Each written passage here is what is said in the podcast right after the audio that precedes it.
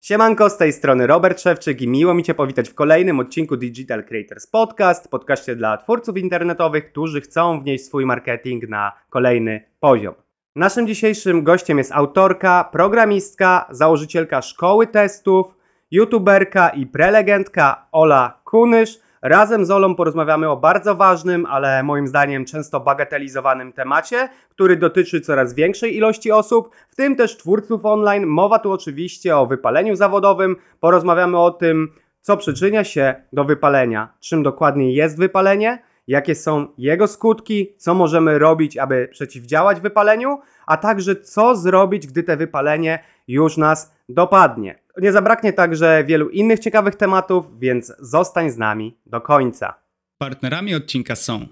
EduWeb, sprytna nauka online, EasyCard, sprzedaż w internecie nigdy nie była taka prosta, Loop Studio, twój zaufany partner w świecie designu. Linki do partnerów znajdziesz w opisie filmu. Cześć Ola, bardzo Ci dziękuję, że zgodziłaś się wystąpić w naszym podcaście. Cześć, dziękuję za zaproszenie. Zaprosiłem Cię z wielu powodów. W zasadzie znamy się już trochę gdzieś tam w internecie, gdzieś tam się przecinamy i robisz bardzo dużo fajnych rzeczy. I przede wszystkim ten temat, który dzisiaj poruszymy, moim zdaniem jest mega ważny, a stwierdziłem, tak obserwując gdzieś tam te osoby, twórców różnych w moim otoczeniu, uznałem, że jesteś najbardziej odpowiednią osobą, żeby o tym porozmawiać, więc e, mega się cieszę. Za chwilkę zdradzę ten temat, jeszcze nie będę, ale chciałbym zacząć od tego, jaki był Twój sukces ubiegłego tygodnia. Może być osobisty, może być zawodowy, coś po prostu, co jest ważne dla Ciebie. Mhm. To w tym tygodniu udało mi się uniknąć mandatu e, e, w MPK, dlatego że ja zazwyczaj kupuję bilety półroczne i czasami zapominam o tym, że muszę je mieć przy sobie, ale zalogowałam się szybko na portal i pokazałam, że mam bilet do października i jakoś tam udało mi się z tego wysmyknąć, powiedzmy, z tego mandatu. Znaczy tam, no, to bardziej chodzi o zamieszanie niż o to, że musiałabym coś zapłacić, ale e, tak zupełnie serio, to w tamtym tygodniu zgłosiła się do mnie moja była firma z prośbą o szkolenie i to jest dla mnie taki, um, takie bardzo miłe i też um, taki dowód na to, że to, co robię, gdzieś tam niesie się w świat i nie tylko docieram do nowych ludzi, ale też ci, z którymi pracowałam wcześniej, oni też do mnie wracają i to jest super. Jasne, mega. Takie też super wyróżnienie w sumie, że stwierdzili, mhm. że robisz mega dobrą robotę, pracowałaś, jakoś miło cię kojarzą i że zdecydowali się w sumie zaprosić akurat ciebie. Tak. Bardzo fajne. No a, a co do mandatu, to w sumie dobrze. W sumie nie myślę, że raczej nie byłoby problemu, skoro miałaś, tylko raczej czas, nie? tak, dokładnie, stracić, że to trzeba iść, załatwić. To kosztuje tam chyba 10 czy 20 zł, ale samo to, że musisz już gdzieś dorzucić to do swojej listy to do, to już jest jakieś tam Tak, e, zaprząta i też i zawsze ten delikatny stres i tak jest, mimo że się wierzy dobrze, ale e, tak jak już wspomniałaś właśnie o tym szkoleniu, to chciałbym, żebyś teraz powiedziała, kim jesteś i czym się zajmujesz. Mhm. Ja przede wszystkim jestem programistką i tak, e, tak definiuję to, co robię w branży. Natomiast, tak jak już wspomniałeś, ja robię dużo różnych rzeczy i tak też wygląda trochę moja ścieżka. E, bo nie tylko zajmuję się szkoleniami, jak już e, wspomniałam, ale też zajmuję się e, jakością oprogramowania i przez bardzo długi czas prowadziłam szkołę testów i tworzyłam kursy online, podcasty w tym temacie, robiłam prezentacje i ta jakość oprogramowania zawsze była mi bliska, więc mimo tego, że ja nigdy nie pracowałam jako testerka, jako QA, to jakoś um, po drodze mi było z tym tematem i też tym się zajmowałam. No i tak um, lubię występować, lubię dzielić się wiedzą, więc czym tam się zajawię w danym momencie, to najczęściej idę i, i dzielę się tym później z, z resztą branży. Tak, masz na swoim koncie dużo fajnych podcastów i też dużo fajnych wystąpień, o których też bym chciał później porozmawiać. A powiedz mi teraz, bo też mnie zaciekawiłaś tym, co przed chwilą powiedziałaś, czyli nie mhm. byłaś testerem, nie pracowałaś jako tester oprogramowania, ale w zasadzie temat jest ci bardzo bliski, bardzo to lubiłaś, sama się dokształcałaś w tym temacie, rozumiem? Tak. I na tej podstawie tworzyłaś cztery kursy. Mhm. To było tak, że y, ja w wielu projektach pracowałam, w których w ogóle nie było wsparcia testerów. To były albo jakieś bardzo małe projekty, albo bardzo młode projekty, w których po prostu to się jeszcze nie ustabilizowało. E, więc my byliśmy wszyscy deweloperzy odpowiedzialni za jakość programowania. Musieliśmy pisać testy automatyczne, musieliśmy testować manualnie i to no, jakoś tak mnie mm, w tym temacie e, rozwinęło. E, a moja pierwsza praca to było prowadzenie szkoleń dla moich profesorów i jeśli tam nie było tej jakości, no to ja dostawałam po uszach jako e, osoba, która była takim interfejsem tej aplikacji, e, więc bardzo szybko przekonałam się, że jak nie ma tej jakości, to e, no jest to po prostu nieprzyjemne. Gdzieś tam mi się to zapisało w głowie i tak chyba zaczęła się ta moja przygoda z jakością oprogramowania, a potem, no to tak jak mówisz, dużo się dokształcałam gdzieś tam na własną rękę, dużo też miałam takiego doświadczenia tego projektowego, no i wiadomo, że jak na przykład zaczęłam pisać książkę, to wydawało mi się, że już wiem tak bardzo dużo, a w trakcie pisania okazało się, że douczyłam się jeszcze drugie tyle, co, e, co wcześniej wiedziałam, więc to też jest fajne e, takie doświadczenie, czy jak się produkuje kurs online, czy jak się pisze jakiejkolwiek treści, że za każdym razem, jak piszesz jakieś zdanie i myślisz sobie, hmm, czy to jest prawda, czy to jest opinia, to sprawdzasz to, potem trafiasz na jakieś wpisy, trafiasz na jakieś książki, trafiasz na jakieś kolejne materiały, dokształcasz się i potem już tak um, obrastasz jakby w tę wiedzę, w te umiejętności, to też jest fajne, że nawet jeśli już ci się wydaje, że naprawdę wszystko wiesz w danym temacie, to może się okazać, że gdzieś tam pójdziesz w, jak, w jakąś norkę i tam tak naprawdę nie masz tego doświadczenia, y, więc dobrze jest sprawdzić, jak inni to rozwiązywali. Więc to też jest takie, y, jeśli ktoś na przykład uważa, że nie, na przykład nie napisze czegoś albo nie stworzy jakiegoś materiału edukacyjnego, bo jeszcze nie do końca się na tym zna, no to ja bym powiedziała, że nie ma takiego mm, poziomu ekspertyzy, gdzie wiesz już wszystko, tylko raczej to jest tak, że właśnie w międzyczasie dokształcasz się i po prostu się rozwijasz. E, przynajmniej u mnie za każdym razem to tak wygląda, że y, nigdy nie miałam takiego momentu, kiedy powiedziałam, dobra, teraz już wiem wszystko, tylko raczej to jest tak, że to jest ciągły proces i to też jest super, bo ja na przykład lubię zmiany i lubię to, że ciągle się coś dzieje, więc e, gdybym pracowała pewnie w takiej branży, w której już wszystko zostało wymyślone, i gdzie ja mam też tę wiedzę taką bardzo szeroką i dogłębną, no to bym się zanudziła na śmierć, bo ja jednak lubię, jak, e, jak się rozwijam i jak te, te małe kroki każdego dnia robię gdzieś tam do, w stronę swojego rozwoju. Myślę, że to jest bardzo ważne, co powiedziałaś i ogólnie fajne jest to, to twoje podejście, że mm, weszłaś, bo tak jakby można powiedzieć, w niszę, tak, w testowanie mhm. E, oprogramowania i że jednak nie znałaś się na tym, ale chciałaś to zgłębić, bo były bliskie temu, czym się zajmujesz i jeszcze odważyłaś się na tyle, żeby stworzyć później na ten kurs, bo wielu ludzi ma właśnie ten syndrom oszusta gdzieś tam z tyłu głowy, że twierdzą, że na przykład, nie wiem, gdzieś w czymś nie pracują albo czegoś nie robią, to na przykład nie mogą uczyć i właśnie fajnie, mhm. że to powiedziałaś, bo myślę, że to jest takie właśnie pokazujące, że niekoniecznie tak jest, że faktycznie wystarczy, chociażby w kontekście tego tworzenia kursu, że wystarczy być troszeczkę przed daną osobą, żeby móc ją tak naprawdę uczyć i że nie ma się czego mhm. tutaj bać. Tak, tak. To nie jest medycyna czy prawo, że tam musisz wysiedzieć e, ileś lat i faktycznie e, wejść bardzo, bardzo głęboko. Nasza branża jest zdecydowanie bardziej dynamiczna i no, ja naprawdę bardzo niewiele takich osób poznałam, które miały ekspertyzę unikatową na skalę świata i naprawdę nikt inny nie wiedział tego, co oni. Raczej wszyscy są właśnie w tym procesie. I to nie jest tak, że możesz się zatrzymać w którymś momencie i powiedzieć, dobrze, to teraz to już wiem wszystko i teraz już jestem mistrzem czy, czy mistrzynią dla wszystkich. Mi się wydaje, że to wręcz jest czasami odwrotnie, że im dalej gdzieś tam dojdziemy, tym bardziej sobie uświadamiamy, ile nie wiemy. O tak, chciałbym później przejść jeszcze do książki, ale najpierw chciałbym poruszyć ten temat główny, dla którego w zasadzie Cię tu zaprosiłem, bo uważam, że jest to temat, o którym nie mówi się jakoś głośno. Być może nie wszyscy są w ogóle świadomi tego tematu, i ja to traktuję też trochę, no jest to problematyczny temat, w sensie, no jeżeli kogoś już dopadnie, bo mowa tu o wypaleniu, o którym bym chciał, stałym wypaleniu zawodowym, o którym bym chciał porozmawiać. Część mhm. osób myślę, że też nie traktuje tego na poważnie mimo wszystko, gdzie ja uważam, że to jest poważny problem, który dotyczy, dotyczy wielu ludzi w różnych branżach, w tym też twórców internetowych, twórców mhm. online. I chciałbym na samym początku, abyś w ogóle wyjaśniła, czym jest wypalenie zawodowe. Mhm.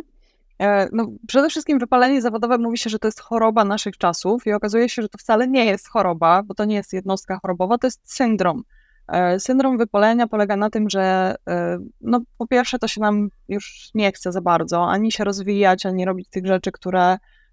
które do tej pory sprawiały nam przyjemność, że ten rozwój się zatrzymuje, że to też rzutuje na całe nasze życie. No, jesteśmy tacy tak jakby nam ktoś trochę upuścił powietrza, albo jakby rozładowała nam się bateria, ale tak bez e, możliwości ponownego naładowania. Ja tutaj przytoczę e, taką definicję, która mi się bardzo podoba i wydaje mi się, że ona też zyskuje popularność ostatnio. To jest koncepcja wypalenia zawodowego według Krystyny Maslach. E, I ona mówi, że to jest psychologiczny zespół wyczerpania emocjonalnego, depersonalizacji i obniżonego poczucia dokonań osobistych. Czyli mamy tutaj to, o czym mówiłam, czyli to takie zmęczenie, takie wyczerpanie e, bez możliwości szybkiej regeneracji, depersonalizacja i to moim zdaniem w branży IT jest bardzo trudno mm, znaleźć tak naprawdę, bo my mamy z natury cyniczne poczucie humoru, mamy taki trochę dystans do ludzi i wyłapanie tego jest chyba najtrudniejszą częścią z tych trzech akurat. No i ten to obniżone poczucie dokonań osobistych, czyli e, to może być syndrom oszusta, ale to może się po prostu objawiać e, w ten sposób, że mam coraz mniej wiary e, we własne możliwości, że to, co kiedyś nie sprawiało mi jakiegoś problemu, brałam chętnie wyzwania, na przykład wierzyłam, że sobie poradzę, to to zaczyna e, być dla mnie problem i wszystko jest trudniejsze niż jest i trudniejsze niż było przede wszystkim, bo no, wypalenie zawodowe, ja na szczęście się nie wypaliłam, tylko doszłam do takiego momentu, kiedy zaczęłam obserwować właśnie wszystkie te pierwsze y, y, takie symptomy, które było widać gdzieś tam na zewnątrz, więc ja na szczęście uniknęłam wypalenia zawodowego, ale przeszłam w zasadzie wszystkie te, te stadia, bo i E, byłam taka wyczerpana, właśnie nie chciało mi się wstawać rano i to nie, nie, nie, to nie chodziło tylko o pracę tak naprawdę, bo to praca jest gdzieś tam jako mhm. ten, ten um, powód, ale to rzutuje na wszystko inne, tak, że nie chciało mi się tak za bardzo robić rzeczy, zarzuciłam jakieś tam swoje zainteresowania, trochę mniej się ruszałam, e, trochę gorzej jadłam i jakby wszystkie te e, sfery życia dostały rykoszetem trochę ta depersonalizacja, takie odizolowanie się od e, mojego zespołu czy od moich klientów, takie, taki brak wiary w to, że to, co robię w ogóle ma sens i że ktokolwiek tego używa i właśnie takie cyniczne podejście, to też od, zaczynałam obserwować u siebie. E, no i to poczucie takie, że nie dam sobie rady albo że w ogóle to ja nic nie umiem, to zadanie to na pewno jest dla mnie za trudne, no to to też się gdzieś tam u mnie pojawiało. I wydawało mi się, że zmiana pracy może to zmienić, ale na samą myśl, jak miałabym iść na rozmowę kwalifikacyjną, to dostawałam po prostu dreszczy i wiedziałam, że coś jest nie tak, bo zazwyczaj wcześniej działało to u mnie tak, że nowa praca gdzieś tam odpalała u mnie takie, taki entuzjazm i chciało mi się bardziej, że myślałam sobie, o, nowy projekt, nowi ludzie, nowy jakiś biznes i mm, to było dla mnie ekscytujące, a tutaj było takie, ojej, jeszcze gorzej, jeszcze będę się musiała do tego przygotować. A znowu, ponieważ podważam swoje umiejętności, więc ja nic nie umiem, więc się nigdzie nie dostanę. I to jest taka po prostu lawina, która idzie i taka spirala, która się gdzieś tam nakręca. Tak się to ruminuje, że nakładamy na siebie w sumie te złe rzeczy i sami się trochę później tym jeszcze bardziej nakręcamy. Chciałbym, okay. żebyś powiedziała, jakie są w ogóle przyczyny wypalenia, takie główne, które wymieniamy i jak to wyglądało u ciebie? Co myślisz, że u ciebie na przykład było taką przyczyną tego, że byłaś bliska tego wypalenia? Mhm. Najczęściej przyczyną jest stres, e, z tym, że ten stres może być bardzo, może mieć bardzo różne źródła, bo to mogą być źródła zewnętrzne, ale mogą być też źródła wewnętrzne. Ja mam wrażenie, że u mnie bardziej to były źródła wewnętrzne i one były trochę spowodowane tym, że ja miałam, byłam przemęczona tym, co działo się u nas w projekcie, ale nie zareagowałam na czas. To znaczy, jak był moment na to, żeby odpocząć, żeby naładować te akumulatory, to ja wtedy wydawało mi się na tej adrenalinie, która tam była związana z tym projektem i tym, że tam było w ogóle to było spełnienie moich marzeń, ten projekt, e, to wydawało mi się, że ja mogę dalej tak działać i w ogóle się nie męczę i w ogóle nie czuję, że potrzebuję się zatrzymać. E, a potem już to się zaczynało dziać we mnie, bo ja już trochę to przepracowałam, ale mam w sobie dużo perfekcjonizmu mhm. i albo robię coś na maksa i, i wtedy um, jestem zadowolona, chociaż to tak naprawdę się nigdy nie wydarzy, no bo mówi się, że perfekcjoniści, to nie jest tak, że perfekcjoniści robią rzeczy perfekcyjnie, tylko najczęściej nie robią nic, bo ich paraliżuje to, że nie zrobią perfekcyjnie, więc to trochę tak wyglądało, że ja coraz mniej robiłam, bo coraz e, wyżej miałam poprzeczkę, e, i wydawało mi się, że jak nie zrobię czegoś perfekcyjnie, no to już w ogóle nie ma sensu tego robić. Więc to takie wycofanie, i takie poczucie, że właśnie to, to co robię, um, nie ma sensu, więc po co ja mam się starać. I ten stres się tak mm, nakładał, i tam nie było żadnych takich zewnętrznych już wtedy e, czynników. Te czynniki były wcześniej, tak jak mówiłam, że ja nie odpoczęłam na czas, e, Natomiast wtedy to już było tak, że ja to nakręcałam gdzieś tam u siebie w głowie i, e, i one były wewnętrzne, bo ja też pewnie reagowałam za mocno na takie małe drobnostki, które sprawiały, że ja się czułam gorzej, mimo tego, że obiektywnie one nie były jakimiś wielkimi problemami, ale jak już jesteś w tym momencie takim e, takiego przemęczenia, to tak naprawdę jest trochę tak, jakbyś zarwał nockę, że idziesz i wszystko cię denerwuje, wszystko ci sprawia trudność. E, człowiek, który jedzie przed tobą samochodem, cię denerwuje, bo na przykład za wolno rusza e, spod świateł, albo ktoś w kolejce przed tobą w sklepie cię irytuje, bo wybiera szynkę życia i w ogóle wiesz, nie wiesz o co tak naprawdę chodzi. I jakby takie małe rzeczy, które normalnie nie sprawiałyby ci mm, problemu i nie powodowałyby tego stresu, one przez to, że ty już jesteś na tym takim, na tej rezerwie po prostu jedziesz, no to one cały czas cię po prostu jeszcze dokładają tego, tej olipy do ognia i cały czas po prostu jest coraz gorzej, a ponieważ nie odpoczywasz już tak jak kiedyś um, efektywnie, to um, nawet jeśli pojedziesz na wakacje, nawet jeśli w weekend y, porobisz coś fajnego, takiego, żeby odpocząć, to to już nie wystarczy, bo to już jest za późno, bo to trzeba robić wcześniej, zanim się to zacznie. To są właśnie te czynniki takie zewnętrzne, że jeśli w firmie dzieje się źle, bo czasami no, u nas było tak, że my to trochę nakładaliśmy na siebie nawzajem, to znaczy firma była super, produkt był super, my się bardzo zaangażowaliśmy, pracowaliśmy bardzo dużo, tam była trochę nawet taka, było kilka takich sytuacji, że musieliśmy pracować no tak prawie na cały zegar, bo tam wchodziliśmy na produkcję z jakimś, z jakimś produktem, mieliśmy takie zmiany, natomiast takie rzeczy zdarzały się bardzo rzadko, czyli my nie mieliśmy takich sytuacji, e, gdzie ktoś na nas wywierał tę presję, e, na zasadzie na przykład menedżera czy lidera, który przechodzi i sugeruje, że na przykład e, potrzeba pracować po 12 godzin dziennie przez najbliższe tam dwa miesiące. No my nie mieliśmy akurat takich sytuacji, chociaż oczywiście takie sytuacje się zdarzają i one jak najbardziej mogą być przyczyną właśnie wypalenia. To taka presja z zewnątrz, te zbyt duża ilość obowiązków, zbyt ambitne te obowiązki w stosunku do moich obecnych e, umiejętności i to, że wszystkiego jest za dużo i że ja na początku staram się to podołać temu, a w pewnym momencie po prostu to puszcza. To jest tak jak, jak mięsień, jakbyś na przykład, nie wiem, e, we Wrocławiu był kiedyś taki e, konkurs żeby się utrzymać na drążku, że trzeba się pociągnąć i mm. utrzymać na tym drążku tam chyba dwie minuty. No i było oczywiście wielu śmiałków, no bo co to jest dwie minuty? A potem się okazało, że rekord świata jest mniej niż te dwie minuty, więc to było w ogóle nie do, nie do zrobienia, ale wielu osobom się właśnie wydawało, że, że mogą to zrobić. No i e, ktoś z moich znajomych właśnie wziął w tym udział i mówi, że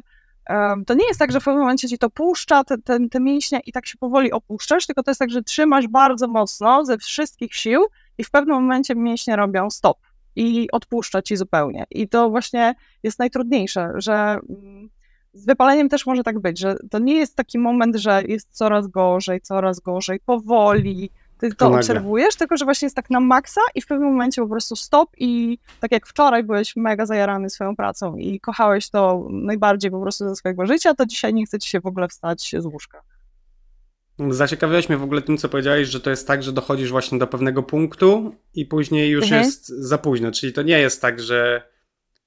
że tymi czynnościami, na przykład tym odpoczynkiem, że dojdę faktycznie do takiego punktu załamania, o którym przed chwilą mówiliśmy i że powiem już tak, że, do, się na, na, nadmucha, to pęknie, to już mhm. wtedy nie mogę, nie poradzić na to nic już takiego normalnego typu, że na przykład sobie odpocznę tydzień przykładowo, to już wtedy nie jest skuteczne. E, jeśli już jesteś w tym e, jakby to wypalenie już się zaczęło, to, y, to już nie. To już wtedy po prostu potrzebujesz to przepracować e, na jakimś takim głębszym poziomie. Ja ostatnio zaczęłam używać takiego porównania do akumulatora samochodowego i alternatora. Czyli jeśli twój akumulator, gdzieś tam schodzi z niego e, energia i ty doładowujesz ten akumulator, czyli wyjeżdżasz na weekendy, masz wakacje, nie zabierasz pracy w czas wolny i no ogólnie prowadzisz taki higieniczny e, styl życia i pracy, to cały czas doładowujesz ten, ten akumulator, ale w momencie, kiedy twój alternator jest zepsuty, czyli ty już tak po prostu to wszystko tam rozładowałeś i zaniedbałeś swoje życie i wszystkie inne obszary swojego życia, no to jak ten akumulator się rozładuje do zera, to no już nie ma go jak naładować. Już wtedy musi ktoś z kablami po prostu przyjechać i, i tylko w ten sposób się to uda zrobić, no albo jakaś wymiana, tak? Ale w momencie, kiedy ty zaniedbasz te tematy tak bardzo, że na przykład jedziesz na wakacje dwutygodniowe i wracasz i wcale nie jest lepiej, no to znaczy, że to ci już nie pomoże. Że jak na przykład zrobisz sobie wakacje, nie wiem, miesiąc, to to wcale nic e, więcej nie, nie zmieni. Mm, to brzmi bardzo poważnie. Wcześniej nie zdawałem sobie sprawy. Myślałem, że wiesz, raczej jest tak na zasadzie, że nie wiem, że później właśnie odpoczniesz sobie z miesiąc i chęci wrócą, a to niekoniecznie widać tak jest. Powiedz mi, jak to Mhm. było w ogóle u ciebie, że, bo mówisz, że otarłaś się o to, ale nigdy nie wpadłaś w te, nigdy się nie wypaliłaś, ale jak to było, że w ogóle zorientowałaś się, że się wypalasz? W sensie, nie wiem, Mhm. czy czytałaś wcześniej jakoś o tym i nagle pomyślałaś, zrobiłaś sobie taką analizę tego swojego otoczenia siebie i stwierdziłaś, że to jest, czy jak to wyglądało? Nie, to y, u mnie jest raczej tak, że jak się coś dzieje, to ja wtedy szukam e, przyczyny, e, niż to, że y, to taki trochę y, takie objawy hipochondryzmu trochę, że czytasz o czymś i mówisz, hmm, może to mam, to e, u mnie to raczej działa w drugą stronę, ale e, ja próbowałam to, o czym ty mówiłeś, czyli czułam się zmęczona, czułam, że coś jest nie w porządku, więc mówię, zrobię sobie urlop, e, taki po prostu bezpłatny, bo to był kontrakt, więc E, Ja powiedziałam, słuchajcie, w styczniu mnie nie ma, czy tam między grudniem a styczniem ja sobie biorę miesiąc wolnego. E, Bo akurat to było tak, że na jesień mieliśmy bardzo dużo pracy, dowoziliśmy duży, tam,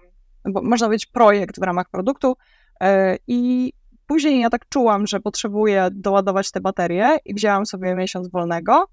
ale jak wróciłam, to przez 2-3 tygodnie było znowu ekstra, a potem znowu zauważyłam, że ja zjeżdżam w dół, że to wcale mnie jakoś nie naładowało, że wydawało mi się, że to będzie tak, że ja wrócę do tego stanu takiego początkowego, a okazało się, że ja wróciłam na chwilkę trochę wyżej niż byłam, a potem z powrotem leciałam w dół, więc e, drugi mój pomysł był taki, żeby może ograniczyć pracę czasowo, czyli gdzieś tam w okolicach wakacji. Ja pracowałam dla Skandynawów, tam na wakacjach mało się ogólnie dzieje, ludzie dużo podróżują i jakoś tak więcej spędzają czasu z rodziną, więc też e, z perspektywy twórców oprogramowania też tam, no to jest taki sezon ogórkowy. Więc mówię, no to idealnie się składa, to ja sobie przejdę na pół etatu. No i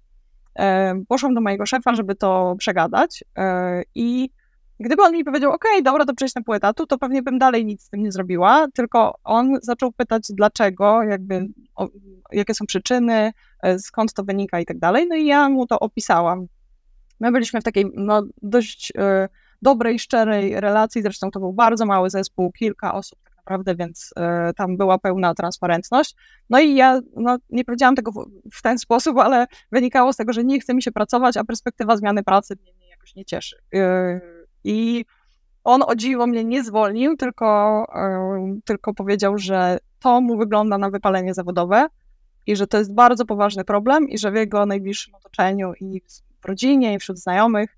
ludzie przechodzili terapię e, i że on mi bardzo poleca, żeby iść na terapię. I to mnie trochę zbiło e, z tropu, bo w ogóle nie brałam tego pod uwagę. Jakoś nie wydawało mi się, że to jest właśnie poważny problem. Że to jest takie, no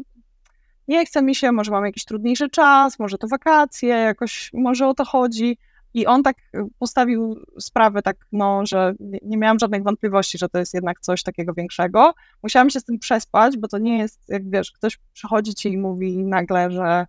ej, u ciebie nie dzieje się dobrze, musisz iść na terapię, to zwłaszcza jak ktoś jest taką Zosią Samosią jak ja, to no nie jest to łatwo przełknąć taką informację, no bo e, też wypalenie zawodowe nie ma takich to nie jest choroba ciała w takim sensie, że coś ci jest na tym etapie, że nie wiem, no mo- możesz oczywiście tam mieć problemy ze snem, możesz mieć migreny, jakieś takie bóle, y, czy, czy żołądka, czy mięśni, ale to nie jest coś takiego, że no nie wiem, idziesz do szpitala, bo to jest coś bardzo poważnego. Tam ciało wysyła jakieś sygnały i masz dostęp do tego i oczywiście możesz tego posłuchać, natomiast tak obiektywnie jesteś zdrowy. I to jest w tym wszystkim najtrudniejsze, że patrzysz na siebie, no nie no, w sumie wszystko jest okej, robisz sobie, nie wiem, tam morfologię, mówisz, kurczę, no e, wszystko jest ze mną w porządku, a tutaj ktoś ci mówi, że to jest poważne i że trzeba jakoś zareagować. I wydaje mi się, że e, to był ten moment, który, który zadecydował o tym, że ja dzisiaj e, ciągle cieszę się programowaniem i że ja się całkiem nie wypaliłam, tylko po prostu gdzieś tam, dlatego ja to nazywam, się otarłam, bo już byłam na początku tej drogi, ale w odpowiednim momencie zareagowałam i w związku z tym, jak już e, byłam po terapii i, e, i potem wróciłam do programowania, to ono z powrotem sprawiało mi radość i no, udało mi się naprawić ten, ten mój alternator, w związku z czym ten akumulator też e, był na trochę lepszym poziomie, jeśli chodzi o poziom naładowania. Czyli przeszłaś tą terapię, tak jak powiedziałaś, i tu właśnie ciekawi mnie, jak lekarze reagują, no bo nie byłem nigdy w sensie na takiej terapii związanej właśnie z wypaleniem, więc nie mam pojęcia i czy lekarze, którzy tam specjaliści, którzy się tym zajmują, mm, Jak oni podchodzą do tego tematu, jak przyszłaś właśnie do specjalisty z prośbą Mhm. o pomoc, że dotyka cię te wypalenie i jak on zareagował? Wiesz co, ja szukałam osoby, która zajmuje się wypaleniem e, terapii poznawczo-behawioralnej, więc e, ja trafiłam na osobę, która po prostu się specjalizuje w tym. Więc to w ogóle nie było takiego nic dziwnego. E, To jest już w tej chwili, z tego co, co patrzyłam, bo robiłam ostatnio takie rozeznanie nawet we Wrocławiu, ile jest osób, które się tym zajmują, no to ta, ta grupa jest coraz większa, jeśli chodzi o psychologów, psychiatrów, ale też był taki moment, że chciałam ponowić terapię, to tak chyba z dwa lata temu, e, i napisałam do mojej terapeutki, i ona wtedy nie miała żadnych wolnych terminów przez najbliższe x miesięcy. Więc dla mnie to był taki sygnał, że aha, czyli coś się tutaj dzieje, bo ja wtedy, jak, e, jak mój szef powiedział mi, że powinnam iść na terapię, to umówiłam się w zasadzie tak no, na przyszły tydzień, tak, bo ja mam aktywatora galupowego chyba na pierwszym miejscu, więc ja po prostu wyszukałam w Google terapia poznawczo-behawioralna Wrocław, Weszłam, sprawdziłam pierwsze trzy strony i umówiłam się do osoby, która wydawało mi się, że ma e, kompetencje do tego, żeby ze mną pracować. I, e, i to był strzał w dziesiątkę, więc e, akurat u mnie to zadziałało bardzo dobrze. Wiem, że nie zawsze tak jest. To też nie jest tak, że e, to zawsze będzie strzał w dziesiątkę, bo podobno średnio trzeba sprawdzić trzy osoby, z którymi chce się pracować e, jeśli chodzi o terapeutów, no więc wiadomo, że jeśli dla mnie to była pierwsza osoba, no to dla kogoś to, to będzie gdzieś tam w pierwszej piątce powiedzmy, ale, e, ale warto sprawdzać, bo naprawdę to uczucie, kiedy już się dochodzi do, te, do tej przyczyny i zaczyna się to leczenie, takie, e, takie zabliźnianie tej rany, bo tak trzeba wydłubać, wydłubać najpierw i potem jak już się znajdzie ten, ten moment, kiedy, e, znaczy jest ten moment, kiedy znajdzie się przyczynę, to jest taki, taka ogromna ulga i od tamtej pory już jest coraz lepiej i nawet jeśli ja później miałam takie momenty, kiedy do, dochodziłam znowu, bo znowu się no, zajarałam za bardzo swoją pracą i robiłam za dużo w stosunku do tego, co powinnam, e, jeśli chodzi o moje możliwości takie fizyczne i e, jakby to, ten brak odpoczynku i tak dalej, to już widziałam to, widziałam o co chodzi, jakie są guziczki, które tam powinnam wcisnąć, żeby wyjść z tego i było mi dużo łatwiej też później pracować e, już samodzielnie nad tym, żeby się znowu nie wypalić. Ciekawe jest to, czy to właśnie wpłynęło na tą ilość tych osób, że na pewno to są pewnie dwa czynniki tutaj, że po pierwsze świadomość ludzi na ten temat wzrasta, chociażby Mhm. dzięki właśnie takim osobom jak ty, a druga rzecz to myślę, że też chyba no, ten świat tak jest dynamiczny i tak pędzi do przodu, że wydaje mi się, że może też chyba być po prostu więcej wypalonych osób. Hej, mała przerwa na szybkie ogłoszenie. Uruchomiliśmy Digital Creators Newsletter, dzięki któremu już zawsze będziesz na bieżąco z naszymi materiałami. Dodatkowo w środku znajdziesz polecenia fajnych i ciekawych książek oraz wartościowych treści. Link znajdziesz w komentarzu, a tymczasem wracajmy do odcinka. Tak, tak. Pandemia też zrobiła swoje, bo na pewno wiele osób em, przyspie- e, jakby ich proces się przyspieszył, bo e, pandemia była takim katalizatorem i wiele problemów po prostu e, wybiło wcześniej, bo prawdopodobnie one by wybiły, czy to no, chodzi o, nie wiem, relacje, jakieś związków się dużo na przykład rozsypało, czy właśnie jakieś zdrowie psychiczne, czy fizyczne komuś się posypało, właśnie dlatego, że te złe nawyki, czy te e, jakieś złe wzorce, którymi my się posługiwaliśmy na co dzień, w momencie, kiedy zostaliśmy zamknięci w- domach, e, bardzo często e, z, w małej przestrzeni, jeszcze w takiej sytuacji, że każdy gdzieś tam ma albo jakieś spotkania, albo jak dzieciaki miały na przykład lekcje i potrzebowały komputerów, e, a w tym czasie na przykład ktoś tam miał spotkanie i jakby dużo było takich stresorów, które sprawiły, że wszystko to, co zaniedbywaliśmy wcześniej i to gdzieś jakoś tam udawało się lawirować, żeby tego, żeby to nie wybuchło, no to po prostu wybuchało w takich okolicznościach, więc wydaje mi się, że to też wpłynęło na to, że po pierwsze ta świadomość jest większa, bo tak jak mówisz, skala, że coraz więcej osób czuje, że problem u nich jest, oni nie wiedzą jeszcze do końca co, o co chodzi, ale już szukają pomocy i szukają gdzieś tam wiedzy. Jak w ogóle wyglądało to u Ciebie z, y, na przykład z kwestiami odpoczynku i tak dalej, bo wspomniałaś fajne, fajne hasło, rzuciłaś, efektywny odpoczynek. Y, Ja Mhm. czytałem wcześniej, robiłem research, więc wiem o co chodzi, ale chciałbym, żebyś właśnie omówiła takie sposoby, które może Ty wykorzystałaś, które gdzieś tam słyszałaś, że się wykorzystuje, aby przeciwdziałać temu wypaleniu i żebyś omówiła jeszcze ten efektywny odpoczynek, bo to jest mega fajna koncepcja i przyznam się szczerze, że zobaczyłem to u Ciebie, nie pamiętam parę miesięcy temu chyba, czy tam Mhm. może dłuższy jakiś okres.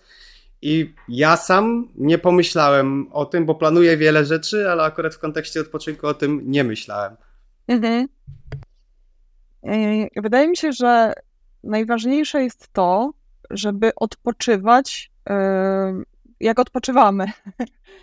Wiem, że to brzmi trochę yy, paradoksalnie i tak trochę masło maślane, ale yy, wiele osób myśli, że odpoczywa, a tak naprawdę nie odpoczywa, bo na przykład yy, leży na kanapie i skroluje telefon, albo yy, siada yy, po iluś tam godzinach pracy z powrotem do kompa i czyta coś tam w internecie, albo e, przebywa wśród ludzi, którzy niekoniecznie ładują baterię, tylko raczej ją e, roz- rozładowują. I dla każdego to będzie trochę inaczej. Ja na przykład wydaje mi się, że tak, naj, najskuteczniej odpoczywam offline w ogóle, czyli jak nie mam ze sobą żadnych sprzętów. Czasami mam telefon po to, żeby na przykład robić zdjęcia, bo lubię tak łapać momenty po to, żeby potem je wspominać, ale e, bardzo często jak idę do parku, jak e, idę w góry, e, czy po prostu spędzam czas tak na takiej, takim beztroskim odpoczywaniu, to jestem bez żadnych, bez żadnej elektroniki. E, Ja nawet smartwatcha nie mam, bo jakoś e, ta perspektywa tego, że tutaj coś e, co chwilę by do mnie mówiło i wyskakiwałyby mi powiadomienia, to mnie trochę przeraża, bo ja w telefonie na przykład mam powyłączane właściwie wszystko i poza tym, że można się do mnie dodzwonić, to chyba żadnych innych takich powiadomień, tych push nie mam, bo właśnie e, bardzo łatwo mnie to rozprasza i nie wiem, czy to jest moja cecha, czy po prostu my tak działamy. Jakiś czas temu słuchałam takiego podcastu, mm, gdzie tam rozmówcy porównywali, w którym momencie jesteśmy e, jako ludzie, żyjąc w miastach. Czyli jakby porównać człowieka ewolucyjnie przez tyle lat, e, ile żyje na Ziemi, do tego okresu, e, kiedy żyjemy w miastach, czyli mamy dużo tych bodźców, hałas, światło, właśnie sprzęty dookoła, bliskość innych ludzi i tak dalej, no to gdyby e, człowiek to był taki 70-latek, no to spędził w mieście ostatnie 15 minut życia. Więc widać, że my ewolucyjnie jesteśmy kompletnie nieprzystosowani do tego y, i y, no, taki odpoczynek po prostu nas nie zregeneruje w żaden sposób, taki jak, y, no nie wiem, nawet ja zauważyłam, że bardzo często jak jeżdżę komunikacją miejską y, albo gdzieś nawet siedzę i czekam na kogoś, to bardzo często zakładam słuchawki y, i słucham sobie albo muzyki, albo nawet czegoś takiego, jakiegoś szumu, czy czegoś, co po prostu zagłuszy mi to, co się dzieje dookoła, bo inaczej mózg gdzieś tam od razu reaguje, bo tutaj jedzie tramwaj, tu ktoś gada, tu ktoś krzyczy, tutaj się coś dzieje, tutaj jest jakaś imba, stolik obok i tak dalej i po prostu jak się od tego odetnę, to dużo mniej tej baterii mi schodzi i dużo y, łatwiej jest mi jakoś tam się od tego odizolować i odpocząć. I z jednej strony, no, ym, też czytałam o tym, że to, że my mamy wszystko na słuchawkach, że to jest tak blisko tej naszej głowy, że my wszystko tak intensyfikujemy, to wiadomo, że to nie jest takie do końca dobre, więc zdecydowanie bardziej wolę na przykład chodzić po lesie bez słuchawek i po prostu słuchać e, szumu drzew czy, czy śpiewu ptaków, no ale jak jestem w takim miejskim chaosie, no to jednak wolę, żeby się tak odciąć trochę gdzieś tam na, e, po swojemu, więc e, to tak obserwuję właśnie siebie w, w tym kontekście tego odpoczywania, bo odpoczynek też, też e, trzeba zaplanować. To nie jest tak, że on się wydarzy sam właśnie w taki ba- najbardziej efektywny sposób, bo e, co my robimy, kiedy nie zastanawiamy się nad tym, że potrzebujemy tej regeneracji, potrzebujemy odpoczynku, no to właśnie tak się snujemy trochę, e, tutaj coś zobaczymy na telefonie, tutaj obejrzymy jakiś serial, tutaj, nie wiem, jeszcze coś tam innego, najczęściej właśnie w otoczeniu elektroniki. Tutaj coś zrobimy, tu ugotujemy, tu posprzątamy i tak to wszystko jest fajne i to nie jest tak, że należy unikać e, takich niezaplanowanych dni, bo ja na przykład też mam takie dni, kiedy się snuję i bardzo lubię te dni, ale jak e, czujemy, że ta bateria powoli nam się rozładowuje, to najlepiej jest po prostu jakieś takie sloty sobie przygotować, gdzie będziemy przebywać w takim środowisku, które nas właśnie będzie ładować, czyli albo z ludźmi, którzy nas e, doładowują, albo e, w przyrodzie, albo nie wiem, z jakimiś swoimi zwierzakami, które też jakby ich bliskość też wpływa na nas pozytywnie. Ostatnio e, gdzieś spotkałam się z badaniami z kolei właśnie z tą przyrodą że już dwie godziny w tygodniu przebywania w naturze sprawia, że bardzo zmienia nam się takie zadowolenie z życia i takie samopoczucie. I w ogóle nie jestem zdziwiona e, tymi wynikami, bo one są bardzo intuicyjne i no, te kąpiele leśne i wszystkie te, te trendy, które idą właśnie w stronę tego, żeby ludzi zbliżyli do natury, e, to jest coś takiego, co idzie od tej strony takiej komercyjnej, ale to było też widać właśnie, jak była pandemia, jak się zamknęło lasy i parki, jak ludzie po prostu wtedy mieli ten głód przebywania właśnie w naturze. I to mam wrażenie, że trochę tak zostało, bo jak się idzie w góry, ja chodzę po górach w zasadzie od dziecka i wydaje mi się, że te ostatnie kilka lat e, to jest największa aktywność Polaków w górach wszelkich. To nieważne, czy to są Bieszczady, czy Tatry, czy Karkonosze, po prostu bardzo dużo osób chodzi po górach. I to jest świetne, że, że my czujemy jednak, że potrzebujemy naładować te baterie właśnie w naturze, w przyrodzie. I wtedy dobrze jest nie iść na przykład z głośnikiem i z muzyką i e, zostawić na chwilę ten telefon gdzieś tam w plecaku, e, nie dzwonić do rodziny właśnie e, po to, żeby całą drogę coś tam się działo, tylko żeby tak no, te, te receptory gdzieś tam zrestartować i po prostu odbierać to trochę wolniej, tak jak jest, a nie tak jak my jesteśmy przyzwyczajeni, że jest masa bodźców na raz. Dużo fajnych rzeczy. No ja sam się łapię też na tym, bo tak jak mówisz, ten odpoczynek jest często taki, że ja na przykład, no może to śmiesznie zabrzmi, ale ja cały czas się uczę, idzie mi to bardzo powoli, ale uczę się odpoczywać, bo mam z tym problem, bo przykładowo tak jak mówisz, że mm, jak sobie tego nie zaplanuję jakoś mądrzej, to u mnie to wygląda tak, że kiedy chcę odpocząć, to zazwyczaj albo biorę czytnik, kin, biorę Kindle, na którym mam De. książkę jakąś marketingową, biznesową, którą czytam, albo słucham podcastu, który też dotyczy marketingu i biznesu i tak de facto pomimo tego, że gdzieś tam niby odpoczywam, bo nie pracuję, to cały czas jednak myślami jestem wokół tego, co robię w pracy i jest to problematyczne, szczerze mówiąc, często. Tak, tak. To bardzo fajnie, że to podkreśliłeś, bo y, ja w sumie nie wspomniałam o tym, że my e, często rozwijamy się nawet nie w zawodową stronę, bo ty mówisz o tym, że to jest dalej kontynuacja tego, co robisz e, zawodowo, ale nawet jak to jest e, jakikolwiek rozwój, jakiś, nie wiem, taki mm, psychoduchowy, czy nie wiem, jakieś hobby, ale takie, które wymaga od nas dużego skupienia, jakieś umiejętności, czy manualnych, czy to cały czas ten mózg jest obciążony tak naprawdę i to nas odcina, daje nam zmianę kontekstu. Fajnie jest, że, y, że coś takiego robimy, co jest inne niż to, czym zajmujemy się powiedzmy w te 8 godzin e, naszej pracy zawodowej, ale jednak to jest cały czas zużywanie tej baterii w trochę inny sposób, ale jednak cały czas to nie jest tak do końca odpoczywanie. I kiedyś moja przyjaciółka mi to uświadomiła, bo ja byłam taka bardzo zmęczona y, i pracowałam wtedy na etacie, a po godzinach y, zajmowałam się organizacją spotkań Giggers Carrots i y, też warsztatami, no i ogólnie dużo się tam zawsze działo w, w tej organizacji i ja też zawsze starałam się zrobić to najlepiej, jak potrafię, więc no, dużo rzeczy musiałam się nauczyć, e, wiele osób musiałam gdzieś tam albo poznać, albo e,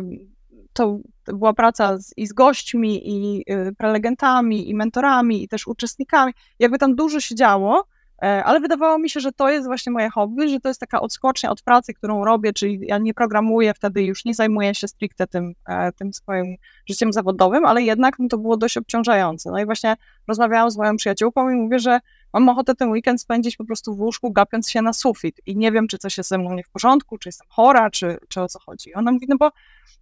przez te 8 godzin dziennie zmurzasz się, ten twój mózg pracuje na pełnych obrotach, no bo tam algorytmy, rozwiązywanie problemów, praca projektowa i tak dalej. Ale potem nie dajesz sobie tego czasu na relaks, na to, żeby pojeździć na rowerze, iść do kina, e, nie wiem, poleżeć na kocu i pogapić się w chmury, tylko znowu robisz rzeczy, które wymagają od ciebie skupienia, które wymagają od ciebie logicznego myślenia, jakiejś organizacji, to musi być wszystko jeszcze spięte czasowo, więc tam jest jakaś presja, jakiś stres i tak dalej. No i ja sobie wtedy uświadomiłam, że faktycznie te y, moje hobby, które wybieram, one muszą być trochę bardziej takie oderwane od tego, co robię y, zawodowo, bo y, inaczej się po prostu zajadę. I mimo tego, że to wszystko jest fajne i to wszystko jest ekscytujące, no to będzie to po prostu za dużo dla mnie. A co myślisz na przykład o tym właśnie, że jeżeli, właśnie tak jak mówisz, czyli to jest tak, że jeżeli na przykład ja cały dzień pracuję na komputerze, na przykład, nie wiem, po 10 godzin, dajmy na to 8, to już nieważne, mhm. To uważasz, że lepszym rozwiązaniem wtedy jest znaleźć jakieś zajęcie fizyczne, na przykład, żebym właśnie poszedł na rower, a na przykład gdybym pracował fizycznie, to fajnie znaleźć jakieś zajęcie umysłowe? Tak, tak, dlatego że wtedy zmieniasz kontekst. Mhm. I ten kontekst taki w głowie, czyli robisz coś innego, ale też ten kontekst taki fizyczny. I, i to, co powiedziałeś, to jest. Y, gdzieś czytałam o tym w, w jakiejś książce, że właśnie jeśli jesteś osobą, która pracuje umysłowo, to najlepszym odpoczynkiem dla ciebie będzie coś, co nie jest wyzwaniem umysłowym, ale jest wyzwaniem fizycznym. Czyli na przykład, nie wiem, idziesz tam podnosić ciężary, czy jeździć na rowerze, czy y, nie wiem, jakąś jogę robisz, co tam kto lubi, bo to jakby forma tej aktywności nie ma większego znaczenia. Bardziej chodzi o to, żeby to ci sprawiało jakąś przyjemność, ale żebyś nie musiał jakoś strasznie tam kombinować. Yy, czyli na przykład, nie wiem, gra w tenisa albo w jakąś grę, która jest bardzo mhm. wymagająca, e, to yy, te badania w którejś książce o nawykach to było opisane, że te osoby, które grają już w tenisa tam od iluś lat, one w zasadzie nie zużywają tutaj mózgu, te lampki się tutaj w ogóle nie zapalają, bo robią to wszystko na nawykach i na e, z przyzwyczajenia. Natomiast takie osoby, które uczą się dopiero, to tu się wszystko świeci w tym mózgu i po prostu tam wszystkie obszary tak naprawdę e, są aktywowane, więc e, tego do końca nie chcemy w naszym czasie wolnym, jeśli mamy taką pracę, która wymaga od nas dużo myślenia i algorytmów, rozwiązywania problemów i tak dalej.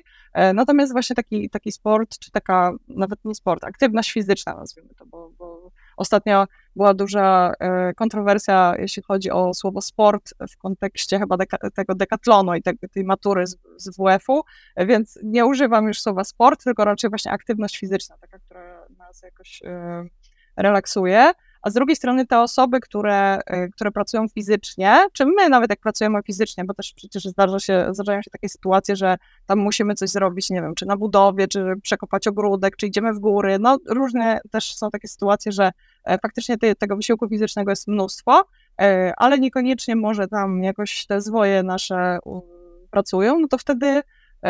odpoczynek taki bardziej statyczny, ale z kolei z jakimiś tam wyzwaniami umysłowymi, czyli nie wiem, jakieś krzyżówki, planszówki, coś takiego, nie wiem, państwa miasta, jakieś takie rzeczy, które gdzieś tam nas zaktywizują, ale pozwolą nam usiąść na chwilę i tak e, pozwolić odpocząć też ciału w tym momencie.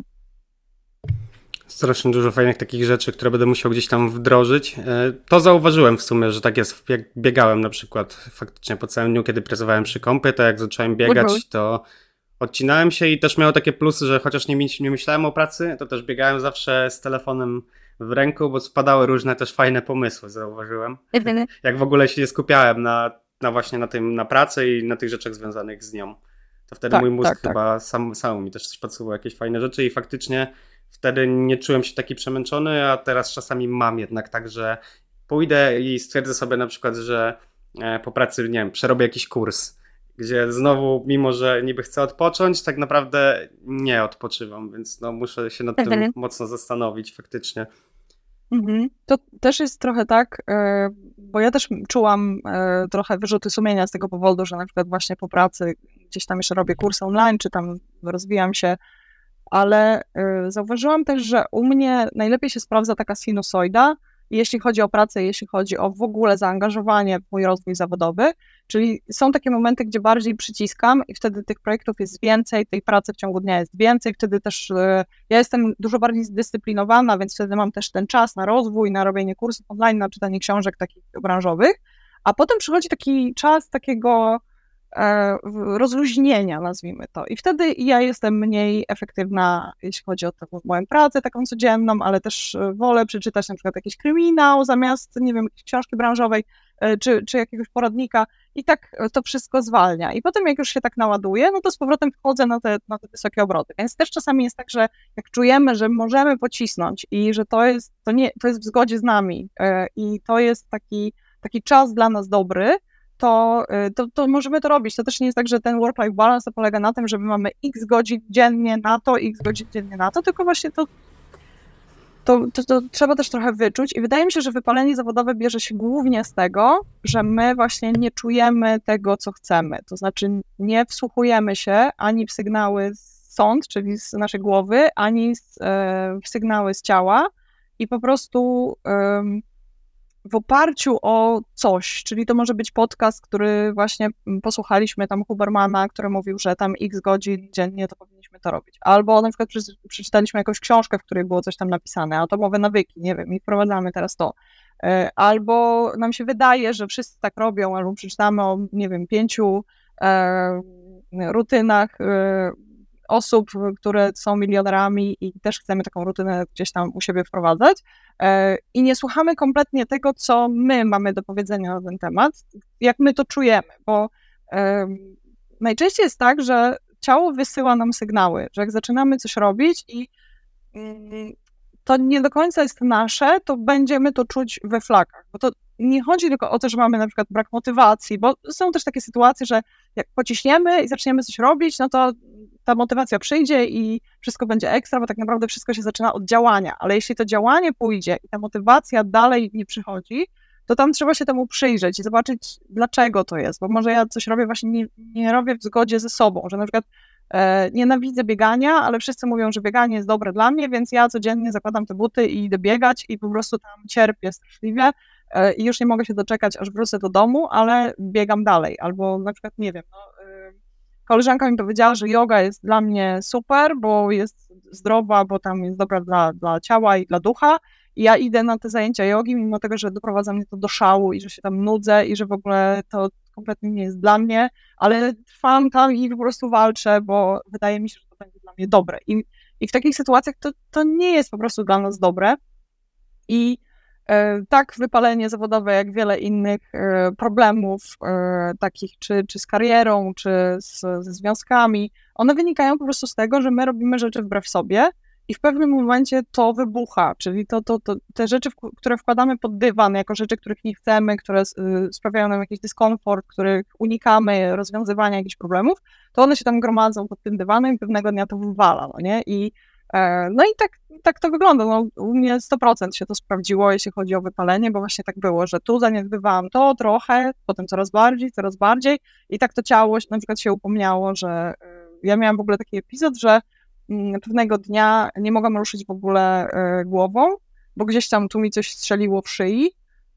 No i tam lekarz przepisał mi jakieś prądy, jakieś tensy, coś tam, nie wiem, nawet L4 jakieś chyba dostałam, to jeszcze pracowałam w korporacji, więc mi przysługiwały takie rzeczy. No i poszłam na te tensy i faktycznie y, było fajnie tam przez dwa tygodnie, po czym wróciłam do projektu i po kolejnych tam kilku tygodniach było po prostu to samo, więc to nigdzie mnie nie zaprowadziło. I to wynikało po prostu z tego, że ja byłam w złym dla siebie miejscu i ten stres kumulował mi się właśnie tutaj w, w tym kręgosłupie, w tych mięśniach tam e, przy kręgosłupie i ja dostawałam po prostu takich różnych e, jakichś e, objawów, które nie wynikały z tego, że ja byłam chora fizycznie, tylko po prostu tutaj głowa, ten stres, to wszystko się gdzieś tam kumulowało w tych miejscach i to po prostu e, to szambo po prostu wybijało w ten sposób. No nie mogło, jednym wybija na przykład e, przez migreny albo przez jakieś problemy gastryczne, mi wybijało akurat tutaj w odcinku piersiowym i w spięciach właśnie mięśni, niemożliwości tam ruszania głową, więc to, to, to wynika wszystko z tego, że my nie słuchamy siebie i tego, czego my potrzebujemy. Dużo fajnych rzeczy tutaj powiedziałaś. Bardzo się cieszę z naszej rozmowy, bo też czuję, że jest taka po prostu dla mnie ważna, bo też sam dużo zrozumiałem w kontekście tej nauki odpoczywania i dużo można się, po prostu dużo wiedzy przekazać, którym, który można po prostu cię chłonąć, nauczyć się, więc jestem za to tutaj mega wdzięczny, bo na pewno przemyślę też to, jak ja organizuję sobie czas wolny, bo czasami organizuję, ale de facto mnie to tak wygląda, że mówię, że organizuję, ale jak jakby tak w sumie na to przyjrzeć, to nie do końca robiłem to świadomie i teraz jestem na pewno bardziej świadomy tego niż przed naszą rozmową, więc jestem Ci za to super wdzięczny. I mam jeszcze Cieszę takie się. dwa pytanka na koniec, mhm. już takie troszkę luźniejsze. Pierwsze to jest takie, gdybyś chciała, mogła być w zasadzie jakimkolwiek zwierzęciem chcesz, to jakim chciałabyś być i dlaczego? to czuję się trochę jak na jakiejś rozmowie kwalifikacyjnej. Rozumiem, że nie mogę powiedzieć, że leniwcem. E, Możesz. Ale tak, no, nie mogę powiedzieć, że nie, nie, żartuję. To nie jest, nie jest moje tempo życia. E, e, wydaje mi się, że lwica jest od zawsze mi takim bliskim zwierzęciem. Nawet nie lew właśnie, tylko lwica. Dlatego, że lew jest taki, wiesz, taki fifa rafa i tak się puszy i się chwali i tak um, jest też, no, jest królem zwierząt, tak, więc pewnie powinien postępować w ten sposób, jest takim alfa. Natomiast e, lwice mam wrażenie, że robią robotę wtedy, kiedy jest e, ta robota do zrobienia, a potem sobie leżą w cieniu i odpoczywają i spędzają czas ze swoimi bliskimi i potem znowu się mobilizują po to, żeby e, gdzieś tam e, upolować coś, czy, czy zareagować, jak jest jakaś sytuacja zagrożenia. Więc wydaje mi się, że do tego jest mi bardzo blisko. I ta sinusoida właśnie, o której mówiłam, i to takie, że tak trochę w cieniu, ale właśnie ta, ta robota jest zrobiona i to jest takie, to jest takie mi bliskie. Bardzo fajna odpowiedź. Lew padł dwa razy, ale nikt nie powiedział lwicy i bardzo przemawia do mnie to, co powiedziałaś teraz. Faktycznie tak trochę jest, że w sumie lwica wykonuje swoją robotę, a lew też wykonuje, ale później ona jednak, tak jak mówisz, działa tak backstage'owo, że nie tak, przechwala tak. się tą robotą. E, I ostatnie pytanko, gdzie nasi słuchacze mogą Cię znaleźć, Ola? Gdyby Cię ktoś szukał, chciał, nie wiem, się z tą skontaktować, może w kontekście wypalenia, czy w kontekście szkoleń z IT, bo też działasz. Mhm. E, wiesz co, łatwo jest mnie znaleźć ogólnie w internecie. E,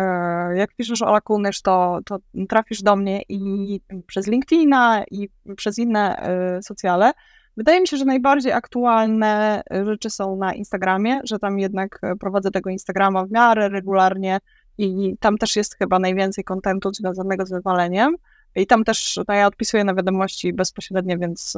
więc tam zapraszam. E, a jeśli chodzi o, e, o szkolenia, no to można też do mnie pisać na maila e, Ola Mapka Szkoła Testów Online. Zresztą Szkoła Testów Online działa też jeszcze ciągle strona, więc tam można znaleźć też maila do mnie,